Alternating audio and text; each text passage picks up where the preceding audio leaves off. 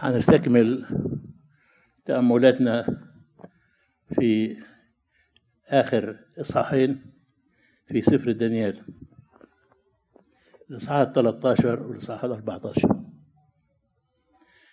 الإصحاحين دول مش موجودين في طبعة الكتاب المقدس الموجودة بين إيدينا أو الوحيدة المتاحة لنا لأنه الطبعة دي بتصدر عن دار الكتاب المقدس. ودي هيئة بروتستانتية. يعني إحنا لا ننكر مجهود هذه الهيئة ربنا يبارك في عملهم.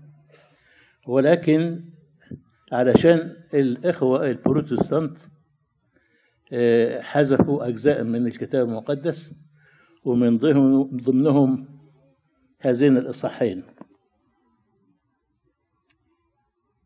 ناخد فكرة سريعة. ليه مش موجودين في الكتاب؟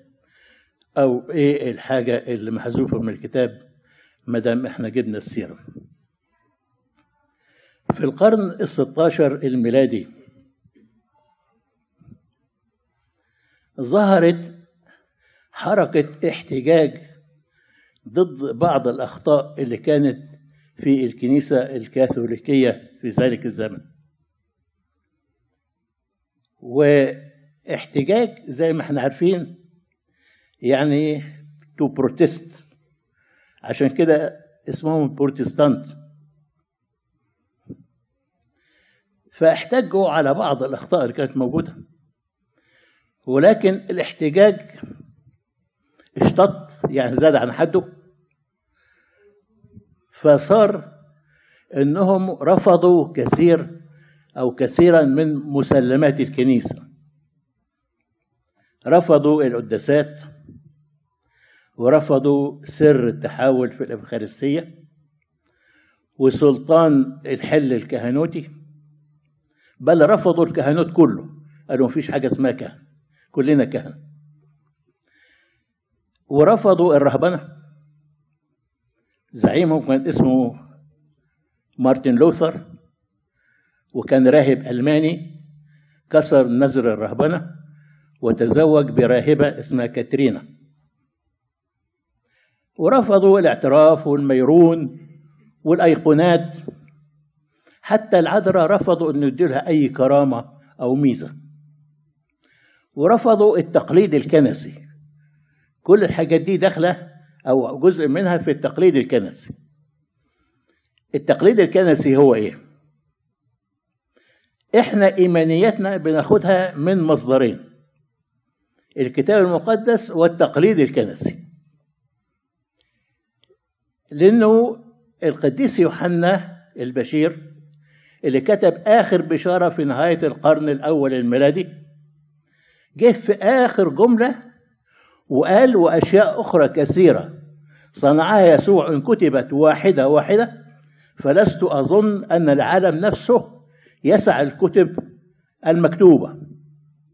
يعني في أشياء أخرى صنعها يسوع أو علم بها مش موجودة في الكتاب المقدس زي ما بيقول لنا القديس يوحنا.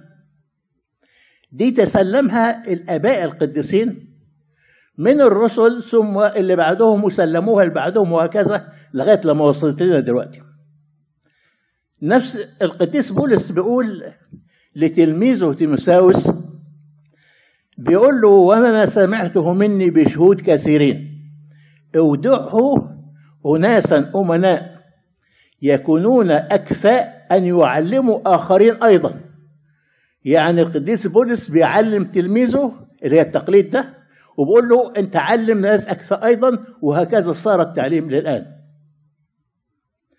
فرفضوا التقليد الكنسي اللي حافظ عليه آباء الكنيسة من أكثر من 1600 سنة قبل ما يظهروا.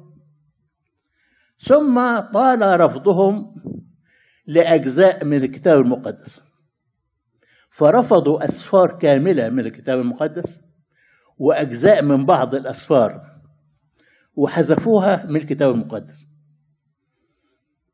حذفوا سفر طوبيا وسفر يهودت وسفر الحكمة وسفر يشوع ابن سيرخ وسفر النبوة باروخ وسفر المكابين الأول وسفر المكابين الثاني وحذفوا أجزاء زي من سفر دانيال الإصحاح 13 و 14 وحذفوا كمان لو تفتكروا تسبحة الثلاث فتية في أتون النار. وحذفوا من سفر إستير الإصحاحات من 10 ل 16 وحذفوا المزمور ال 151 المزمور ال 151 ده من أجمل المزامير الكنيسة بترتله في ليلة أبو غلمسيس ليلة سبت النور. كتبه داود عن نفسه لما كان بيحارب جاليات. وهو من الناحية الرمزية بيتنبأ به داود عما سيحدث مع سيد المسيح وبأنه سيسحق الشيطان بصليبه وينتصر على الموت بقيامته. زي داود ما قتل جليات وانتصر شعب الله. كمان قام مارتن لوثر وأتباعه ساعة لما طلعوا بحذف سفر أعمال الرسل ورسالة يعقوب وسفر الرؤيا من العهد الجديد. بس الناس لما كلت وشهم زي ما بيقولوا راحوا مرجعينه تاني. وقال مارتن لوثر جملته الشهيرة بيقول إني أقول بلا فخر أنه منذ ألف سنة لم ينظف الكتاب المقدس أحسن تنظيف ولم يفسر أحسن تفسير ولم يدرك أحسن إدراك أكثر مما نظفته وفسرته وأدركته. الكلام ده بيقول تجاهلوا أن أباء الكنيسة والمجامع علموا به منذ تأسيس الكنيسة بل حتى قبل مجيء السيد المسيح. يعني في أسفار العهد القديم اللي حذفوا جزء منها في ترجمة اسمها ترجمة السبعينية. ده الآن بها 72 من شيوخ وعلماء اليهود 300 سنة قبل الميلاد موجودة فيها كل الأسفار اللي هم لغوها دول. الكنيسة بتعتز بهذه الأسفار. اللي تسلمتها من الآباء. وبتسميها الأسفار القانونية الثانية. وبتعلم بيها كما فعل الآباء ورتبت قراءات كتيرة منها وخصوصا في أسبوع البسخة اللي بيسموه أسبوع الآلام وليلة أبو غلمسيس. مش معنى كده إن إحنا عشان بنختلف معاهم بنكرههم أو بنحبهمش لا إحنا بنحبهم وبنصلي من أجلهم. نعم يا منال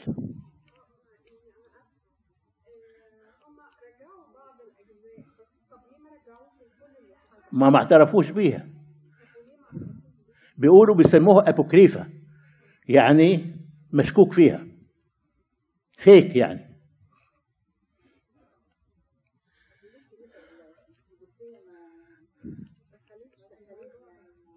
عايزة إمكانيات مادية مش متوفرة عندنا. ده عايزة إمكانيات مادية رهيبة مش موجودة. إحنا ناس على قدنا. هنتأمل إن شاء الله في الإصحاح ال 13 وال 14 كريستين هتوزع عليكم دلوقتي الإصحاحين وصورتين هنتكلم فيهم دلوقتي. ما تنشغلوش بقرايتهم. إحنا هنتكلم فيها دلوقتي دي عشان لما تروحوا تبقوا تراجعوها تستفيد بيها. الإصحاح ال 13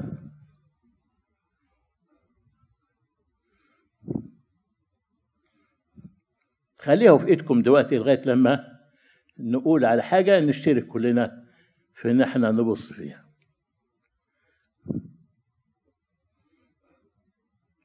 الاصحاح ال 13 بيتكلم عن قصة سوسنة العفيفة.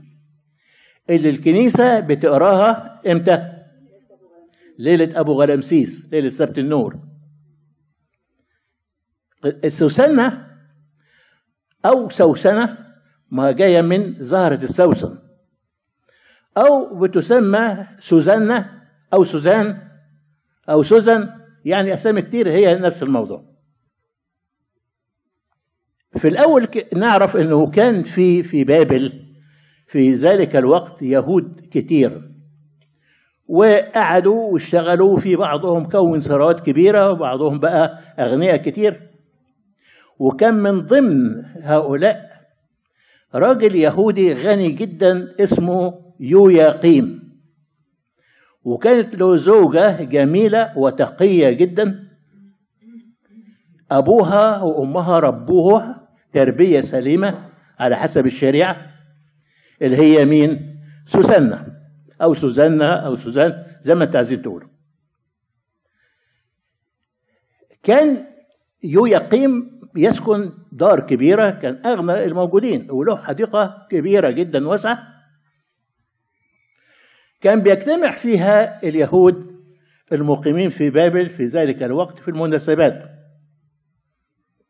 السلطات البابلية سمحت لليهود أن يكون لهم محاكم شرعية خاصة بهم. يحكموا في الأمور الشخصية اليهودية حسب الشريعة اليهودية. وسمحت لهم أنهم كل سنة ينتخبوا اثنين يكونوا قضاة لمدة هذه السنة. في إحدى السنوات عينوا للقضاء الشرعي ده اتنين قضاة ولكن للأسف كانوا فاسدين أشرار. وكان بترددهم على بيت يويقيم للقضاء بيلمحوا زوجة يويقيم سوسنة فالشيطان لعب بعقلهم من ناحية سوسنة وكان كل واحد مخبي تفكيره الرديء ده عن التاني. وفي يوم بعد ما انتهى العمل قالوا البعض يلا بينا نروح عشان جه ميعاد الغداء وبعد ما خرجوا كل واحد من غير ما يقول التاني رجع علشان يلاقي فرصة يلتقي بها بسوسنة. فاتقابلوا. طبعا كانت يعني استغربوا بعضهم كده. وبعد كده اتفقوا هما الاثنين ما الشيطان اصله دايما يخلي الناس تتفق على الشر أكتر من على الخير. اتفقوا على إنه ينفردوا بها بأي طريقة. ويدبروا خطة لإجبارها على عمل الخطية معه. كان من عادة سوسنة إنه بعد ما بينصرف الناس من بيت جوزها تخرج تتمشى في الجنينة أو الحديقة كانت حديقة واسعة. وفي يوم دخلت الحديقة ومعاها خدمتين وفاكرة إنه مفيش حد موجود فأمرت الخادمتين إنهم يقفلوا أبواب الحديقة كويس. وكان اليوم حر فحبت إنها تغتسل في الحديقة. وقالت للخادمتين إنهم يدخلوا البيت يجيبوا لها أدوات الاستحمام. دخلت الخادمتين طلع الشيخين الشريرين كانوا مستخبين وهجموا عليها وقالوا لها أبواب الحديقة مقفولة ومفيش حد معانا وإن لم تطوعينا هنشهد عليكي بأنه كان معاكي شاب. وعشان كده انت قلت للخدامتين ادخلوا البيت عشان تنفردي بيه.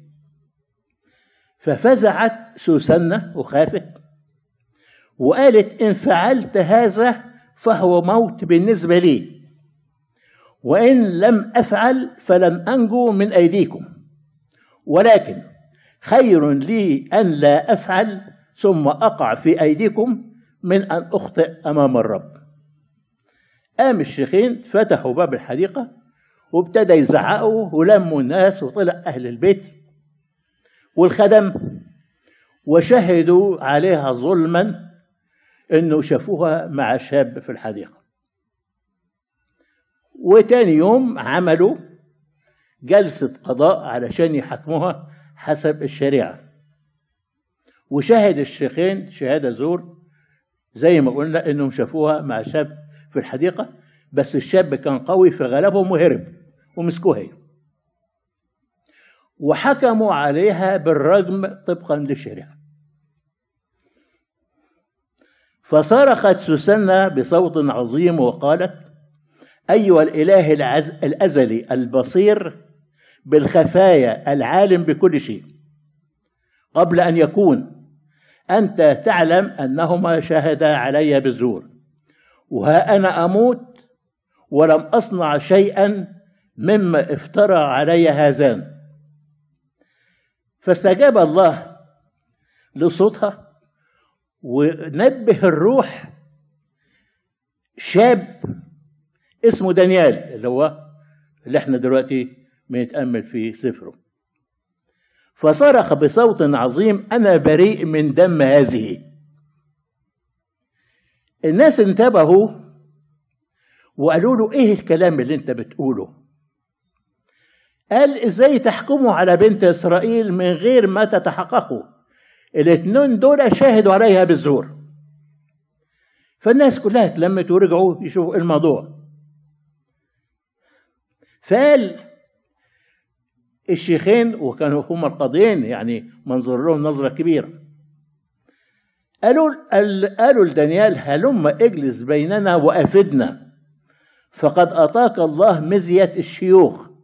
يعني حكمة الشيوخ. يمكن كانوا بيتملقوه علشان ما يشهدش عليهم وما يفضحهمش أو بيتريقوا عليه ما نعرفش. دانيال قال للمجتمعين فرقوا بين الشيخين. يعني كل واحد خدوه في ناحية بعيد عن التاني. ودعا واحد منهم قال له أنت شفتهم تحت أي شجرة؟ قال تحت الذروة. الذروة دي نوع من الشجر كثيف الأغصان.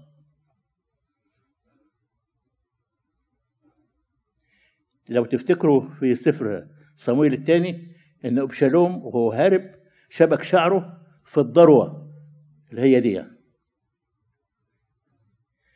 المهم بعد ما استجوب دانيال الشيخ الأول قال هاتوا الثاني قال له أنت شفتهم فين؟ الأولاني قال له تحت الإيه؟ ذروه الثاني قال له تحت السنديانة. فظهر كذب الشيخين وشهادتهم الزور على سوسنة العفيفة. بيقول السفر فصرخ المجمع كله بصوت عظيم وبارك الله مخلص الذين يرجونه. الله مخلص الذين يرجونه. وقاموا على الشيخين شهود الزور ونفذوا عليهم حكم الشريعة بالموت. قصة سوسنة العفيفة زي ما قلنا بتتقري في ليلة أبو غلمسيس إلى ليلة سبت النور. القصة دي فيها رموز عن صلب السيد المسيح. عشان كده بتتقري في الليلة دي. براءة سوسنة وطهارتها وخبث الشيوخ الأشرار وشهادتهم الزور عليها والحكم عليها بالموت وثبوت براءة سوسنة والحكم على ظالميها بالموت. نشوف من ناحية السيد المسيح. براءة السيد المسيح وطهارته خبث شيوخ إسرائيل الأشياء الأشرار وشهادتهم الزور عليه. الحكم عليه بالموت. ولكن الله أقامه من الأموات وأجلسه عن يمينه في السماويات. وزي ما اتحكم على الشيخين دول حكم على ظالميه ظالمي السيد المسيح بالهلاك الأبدي. سوسنة زي ما قلنا دي جاية من زهرة السوسن. الاسم ده سمى به السيد المسيح عروسه الكنيسة في سفر نشيد الأنشاد. بيقول كالسوسنة بين الشوك كذلك حبيبتي بين البنات. بترد الكنيسة على حبيبة سيد المسيح. الكلام اللي قلنا ده في الإصحاح الثاني في الإصحاح السادس. بترد الكنيسة على حبيبها المسيح وتقول حبيبي نزل إلى جنته إلى خمائل الطيب ليرعى في الجنات ويجمع السوسن أنا لحبيبي وحبيبي لي الراعي بين السوسن. زي ما شهد الشيخان الشريرين يقودهم الشيطان ضد سوسنة هكذا أيضا الشيطان دائما يدبر المكائد لكنيسة المسيح اللي هي بين الأشواك. كي السوسنة بين الشوك كذلك حبيبتي بين البنات. لكن حبيب الكنيسة زي ما بتقول النفس البشرية أو الكنيسة نزل إلى جنته ليرعى في الجنات ويجمع السوسن ليدخلها إلى عرس مجده في الإصحاح الأربعة عشر عندكم صورة بتبين سوسنة واقفة ودانيال بيدافع عنها.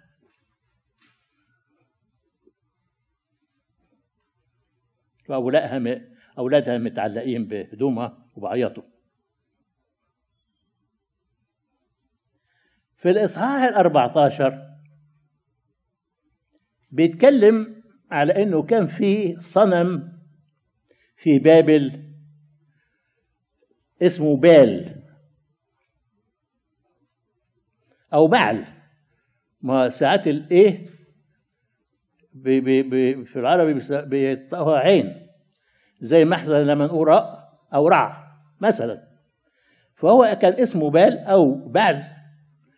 وده كان أحد ألقاب مردوخ اللي هو كبير آلهة البابليين. العرب بيسموه النمرود. معرفش جابوها منين.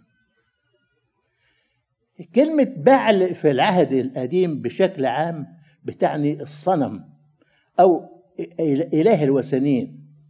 يعني زي ما بيقول إن كنت تعبد البعل يعني البعل بيسموه الصنم. إن كان الله هو الله فاعبدوه وإن كان هو البعل فاعبدوه ولا ترجحوا ما بين الفرقتين. الكتاب بيقول كده. كان كهنة الصنم بال أو بعل. دول طلبوا إنه يخصص لبال الإله بال بتاعهم ده أربعين خروف ده في اليوم. و12 أردب من السميز اللي هو ده نوع فاخر من الدقيق يعني. وخمس أمتار من الخمر. أمتار يعني أمطار هي يسموها متر زي في في معجزة تحويل الماء إلى خمر في عرس قنا الجليل بيقول وكانت ستة أجرام من حجارة موضوعة هناك حسب تطهير اليهود يسع كل واحد مترين أو ثلاثة. المتر ده بيساوي 23 لتر أو أو أو ستة إلى ربع جالون يعني يعني 8 أمتار من الخمر ب 34 ونص لتر جالون من الخمر يوميا. وكانوا كل يوم يقدموا للصنم بال الكمية دي من الأكل. وتاني يوم يجوا يلاقوا ما فيش حاجة ويقولوا الإله بال أكل ما قدم له. كان الملك بيعبد. صنم بال. وكان بيروح يسجد له في معبده. ويؤمر بأنه يقدم له هذه الكمية من الطعام والشراب كل يوم. كان دانيال مقرب جدا من الملك. فالملك مرة سأله قال له لماذا لا تسجد لبال؟ قال له دانيال لأني لا أعبد أصناما صنعت الأيدي. بل الإله الحي خالق السماوات والأرض الذي له السلطان على كل ذي جسد. قال له الملك أتحسب أن بال ليس بإله حي؟ أو لا ترى كم يأكل وكم يشرب كل يوم؟ فضحك دانيال وقال له لا تضل أيها الملك فإن هذا باطنه طين وظاهره نحاس فلم يأكل قط. يعني بيبقى زي صلصال ولا طين ومغطينه بالنحاس وهو ده الإله بتاعهم. الملك ابتدى يشك. أيوة نار لا ده بعد كده. لا ده بعد كده. ملك بعد نبوخذ الملك ابتدى يشك واستدعى كهنة الصنم وقال لهم إن لم تقولوا لي من الذي يأكل هذه النفقة تموتون. ابتدى يشك وإن بينتم أن بال يأكل هذه يموت دانيال لأنه جدف على بال. كهنة بال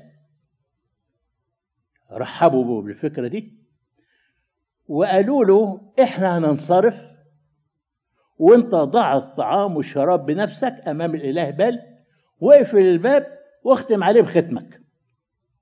وتعالى تاني يوم شوف هتلاقي إنه بال أكل الأكل كله. وإلا أحكم علينا بالموت. ولو ما حصلش كده يبقى تحكم على دانيال بالموت لأنه جدف على بال الكهنة كان زمان يسكنوا حوالين المعبد. والكهنة دول كانوا عاملين نفق سري من بيوتهم يدخل جوه المعبد بباب سري تحت المائدة. وكل يوم بيقفلوا آه لكن هم يدخلوا من باب السر ده أو من النفق ده وياخدوا الأكل وياكلوه.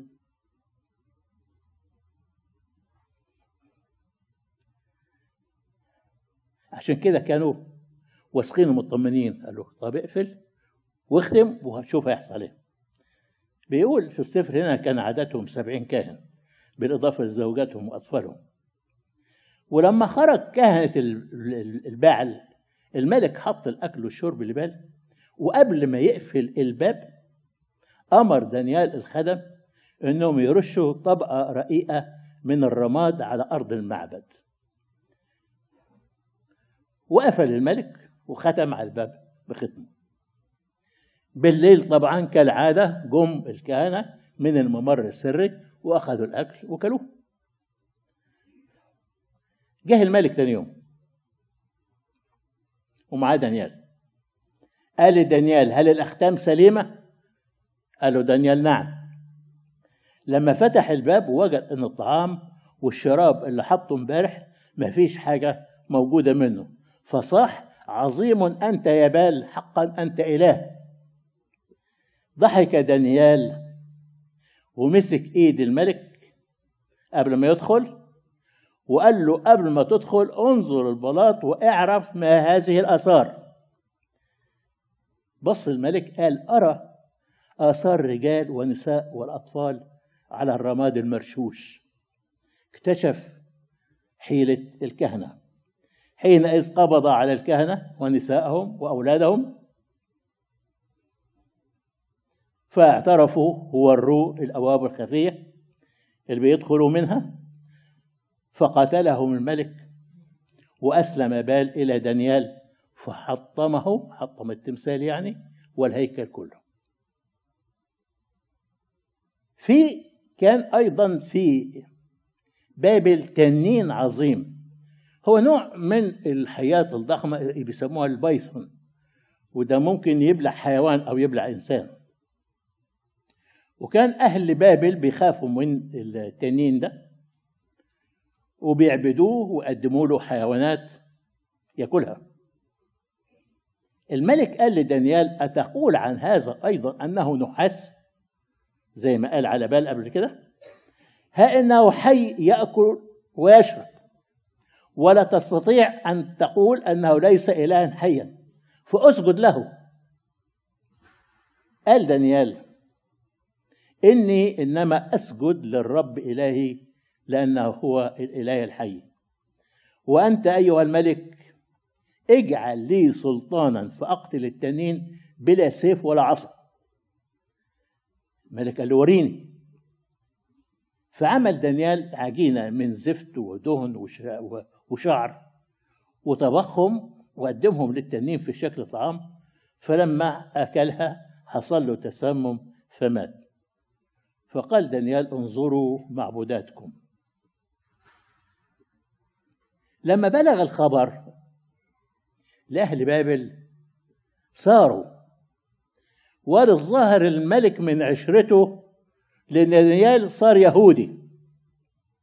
فحطم بال وقتل التنين وذبح الكهنة وراحوا في مظاهرة للملك وقالوا له سلم لنا دانيال ولا قتلناك أنت وأهلك. تمرد. لما شاف الملك ثورة الشعب اضطر يسلم لهم دانيال رغم إنه كان بيحبه. أخذوا دانيال وألقوه في جب الأسود. فكان هناك ستة أيام. تاني مرة دي يرموا دانيال في جب الأسود. كان جب الأسود وسيلة لإعدام المخالفين. وكان في ست أسود بيرموا لهم في اليوم زي ما مكتوب في الورق عندكم عجلين وخروفين. ولما يكونوا هيرموا واحد محكوم عليه بيجوعوا الأسود عشان لما يرموا المحكوم عليه تنقض عليه وتفترسه بوحشيه ألقوا دانيال في جب الأسود وسابوه ست أيام. طبعا ست أيام الأسود مش هتقرب عليه ده بتاع ربنا. لكن ست أيام هيجوع. في الوقت ده كان حبقوق النبي في أرض يهوذا نواحي أورشليم يعني. وكان واخد مودي أكل للحصادين في الحقل اللي بيحصدوا يعني. فظهر له الملاك وقال له احمل الغذاء الذي معك إلى بابل إلى دانيال في جب الأسود. فقال حبقوق للملاك أيها السيد إني لم أرى بابل قط ولا أعرف الجب. فاخذوا الملاك من شعر راسه ولقى نفسه في بابل في جب الأسود مع دانيال. في صورة عندكم. طلعوا صورة.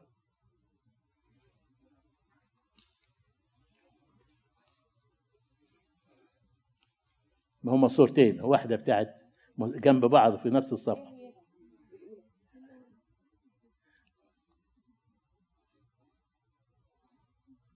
فقال دانيال اللهم قد ذكرتني ولم تخزل الذين يحبونك.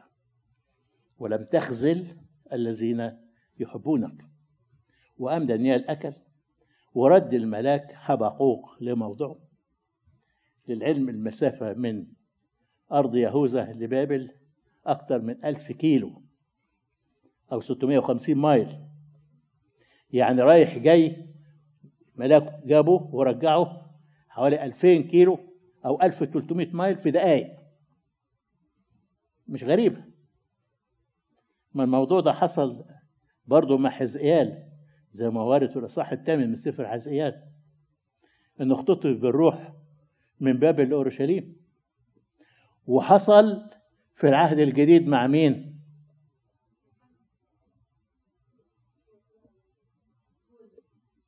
مين؟ مع فيلبس. مع فيلبس. بعد ما عمت خصه وزير كنداكة بيقول سفر أعمال الرسل ولما صعد من الماء خطف روح الرب في لبس فلم يبصره الخصي. وبتحصل تاني وبتحصل لغاية دلوقتي. إزاي؟ مع السواح نرجع لسفر دانيال. وصلنا إلى أنهم رموا دانيال في جب الأسود. وسابوه ست أيام وفي اليوم السابع جه الملك ليبكي على دانيال. فنظر وإذا بدانيال جالس. فهتف بصوت عال وقال عظيم أنت أيها الرب إله دانيال ولا إله غيرك. ثم أخرجه من جب الأسود. وأما الذين سعوا به للهلاك فألقاهم في الجب فافترستهم الأسود من ساعتهم أمامه قال الملك ليتقي جميع سكان الأرض إله دانيال فإنه المخلص الصانع الآيات والعجائب في الأرض وهو الذي أنقذ دانيال من جب الأسود. كانت أعمال دانيال حسنة وبسبب أعماله الحسنة مجد الملك الله. بيقول السيد المسيح فليضيء نوركم هكذا قدام الناس لكي يروا أعمالكم الحسنة ويمجدوا أباكم الذي في السماوات. في ختام نقول أن سفر دانيال من الأسفار النبوية الرائعة استشهد به السيد المسيح. وفي هناك مقابلات في دراستنا لسفر دانيال ذكرنا في بعض المواضع قارناه بسفر إيه؟ الرؤيا. سفر الرؤيا ليوحنا اليهودي اللاهوتي. في ورقة بتتوزع عليكم دلوقتي فيها مقارنات ما بين سفر دانيال والشواهد بتاعتها نفس هي هي في سفر الرؤيا والشواهد بتاعتها.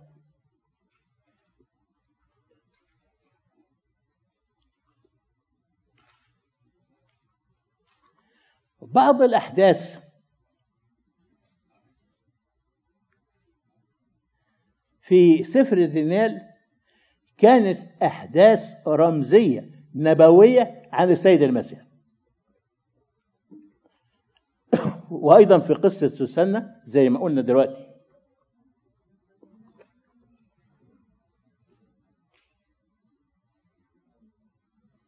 وما ننساش في دراستنا السابقة في سفر دانيال إنه تنبأ بشكل دقيق جدا عن ميعاد مجيء الرب يسوع وصلبه وعن القيامة والدينونة.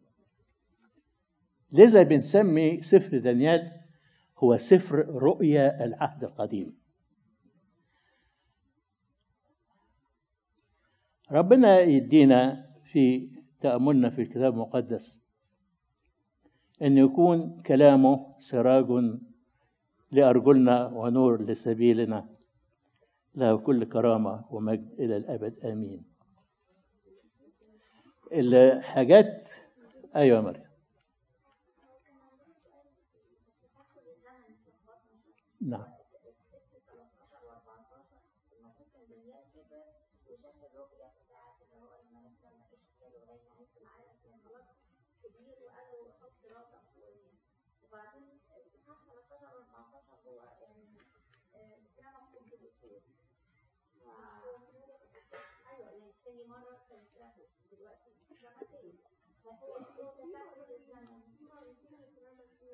في الأول في الأول عشان النقطة بتاعت مريم دانيال في موضوع سو- سوسنة كان صغير. لا هو مش الكتاب المقدس ما بيرتبوش ترتيب زمني. مش مرتبه ترتيب زمني. وفي كتير كده في في في, في الاصحاحات بالشكل ده.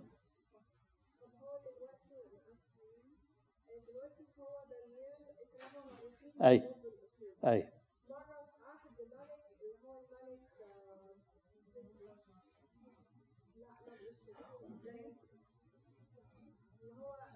أي أيوه أيوه. أنا آه المهم يعني. المهم يعني إن هو اترمى مرتين.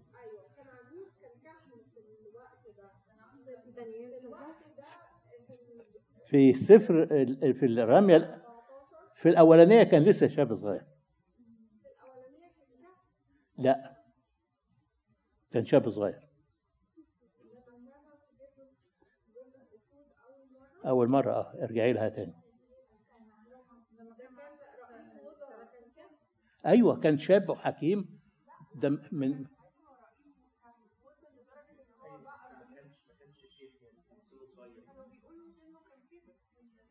يوم ما فسر الرؤيا بتاعت نبوخذ نصر نبوخذ نصر كان هو اللي سبى دانيال.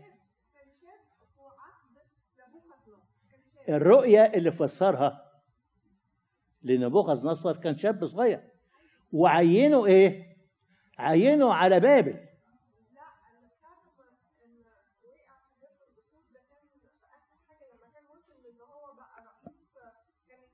ما أنا لسه بقول لك أنا بس خلي بالك من النقطة دي. إمتى تعين بقى رئيس وزارة؟ كم كم كان 16 سنة.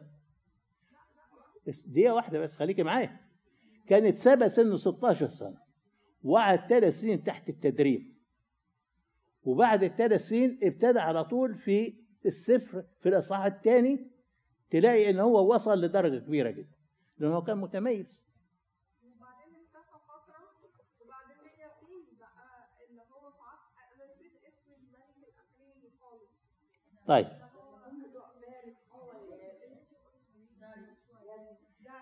طيب طيب. آه، آه، بس عشان ما, ما وقتنا نوفر وقتنا ما تهتموش قوي بحكاية إنه كان سنه كام وما كانش سنه كام لأن العبره في الكتاب المقدس بأنه ربنا عايز يقول لنا إيه يعلمنا يقول لنا إيه.